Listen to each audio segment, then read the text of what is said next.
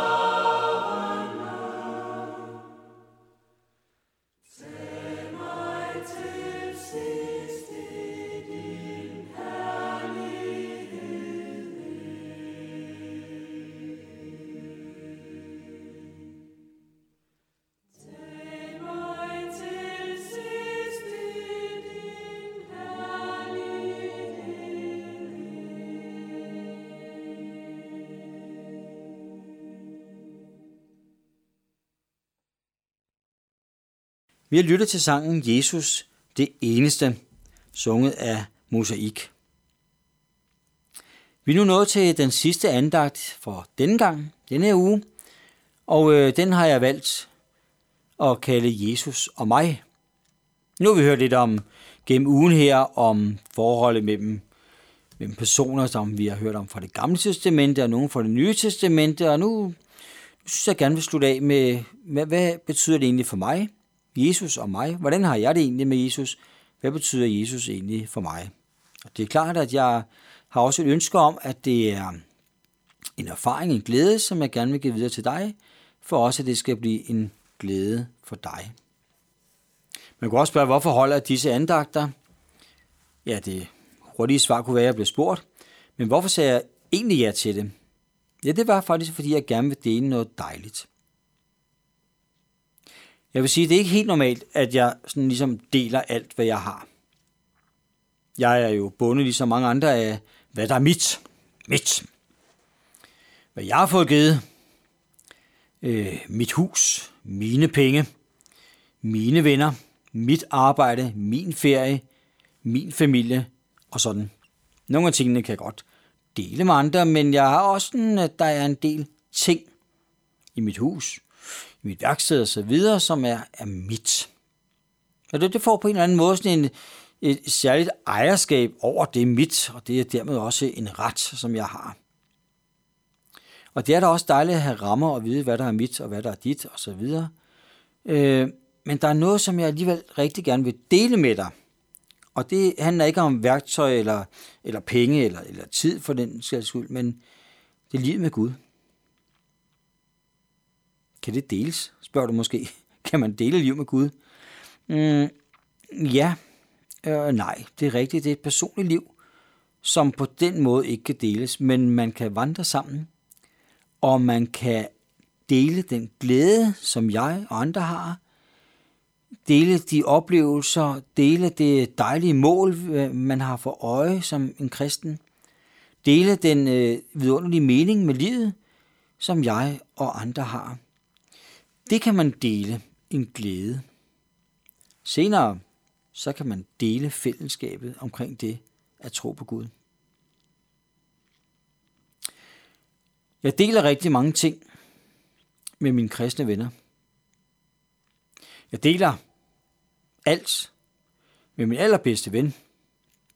Og selvom det lyder sådan helt barnligt og elementært, så, så har jeg alligevel noteret mig den sætning, at Jesus er faktisk min ven. Ja, det kommer til at lyde som om, at, at jeg kan trække Gud ned som min ven. Men ja, det er faktisk sandt. Det er sådan, jeg oplever det. Jesus er en, jeg kan dele alt med. En ven, som jeg kan bede til, tro på, tale med,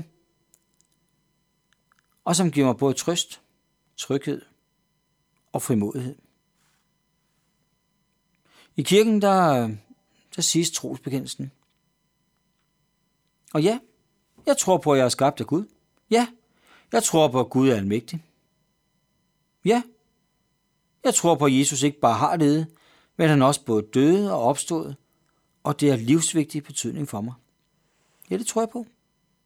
Det giver mig en ufattelig mening og betydning for mit liv.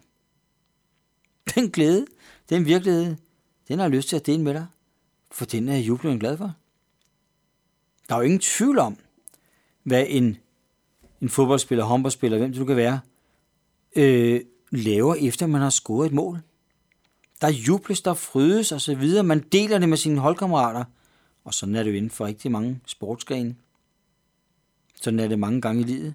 Hvis man vinder et eller andet. Man deler det. Man deler sin glæde. Sådan har jeg det egentlig også som kristen. Jeg elsker livet. Jeg klynger mig til, at der er mere efter dette jordiske liv. Det giver mig mening. Det giver mig mening, når præsten siger ordene fra Bibelen. Igen opstå. Sådan har jeg tit hørt det ved, ved begravelser. Jeg er ikke bare tit, men hver gang. Og det giver mig sådan en stor mening med mit liv. At en dag, så skal vi opstå igen. Det er ikke bare slut. Det er ikke bare en tilfældighed. Det er ikke bare nogle floskler og nogle ord. Det er ikke bare en bog, hvor der står en masse gode ting. Det er ikke bare beretninger. Det er ikke bare læringer. Det er virkelighed. Jesus og mig, det lyder næsten lidt i stil med Emil fra Lønneberg, hvor han sidder med Alfred, den gode stalkarl, der er Emils ven. Alfred forstår Emil, på trods af aldersforskellen. De to har noget særligt sammen, selvom de er meget forskellige. De er faktisk afhængige af hinanden. Emil er i hvert fald ret afhængig af Alfred. Det med at være afhængig det kan gå ind og blive et fyrord. Tænk at være afhængig af noget. Men det at være afhængig kan være både godt og forfærdeligt. Det er jo afhængigt af, om det er kærlighed, eller om det er misbrug. For mig er det at være afhængig af, af Gud, af Jesus, det er noget fantastisk. Jeg er afhængig af Jesus. Jeg ved, at jeg behøver ham så er der måske nogen, som vil antyde, at, at øh, man er uselvstændig.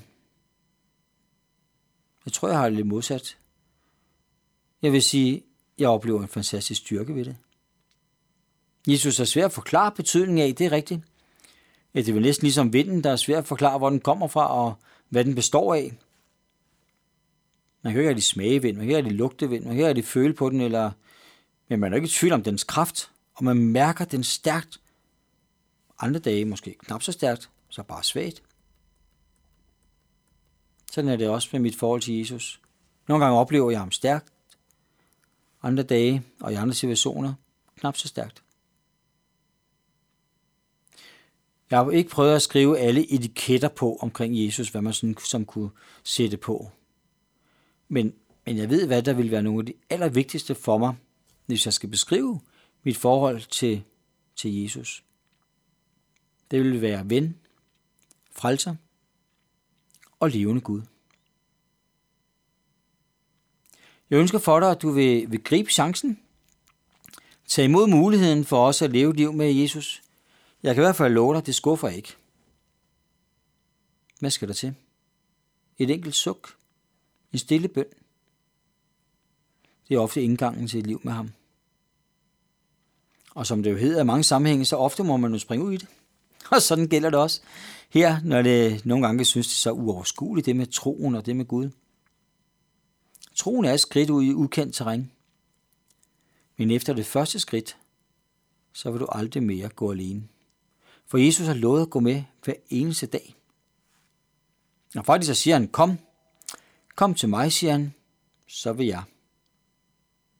Giv hvile, glæde, tryghed. Jeg vil være din ven. Jeg vil også være din ven. Og jeg vil give evigt liv. Tak for denne gang, og jeg håber, at du er blevet opmuntret til at fortsætte livet med Gud, eller til at tage skridtet og få et liv med Gud.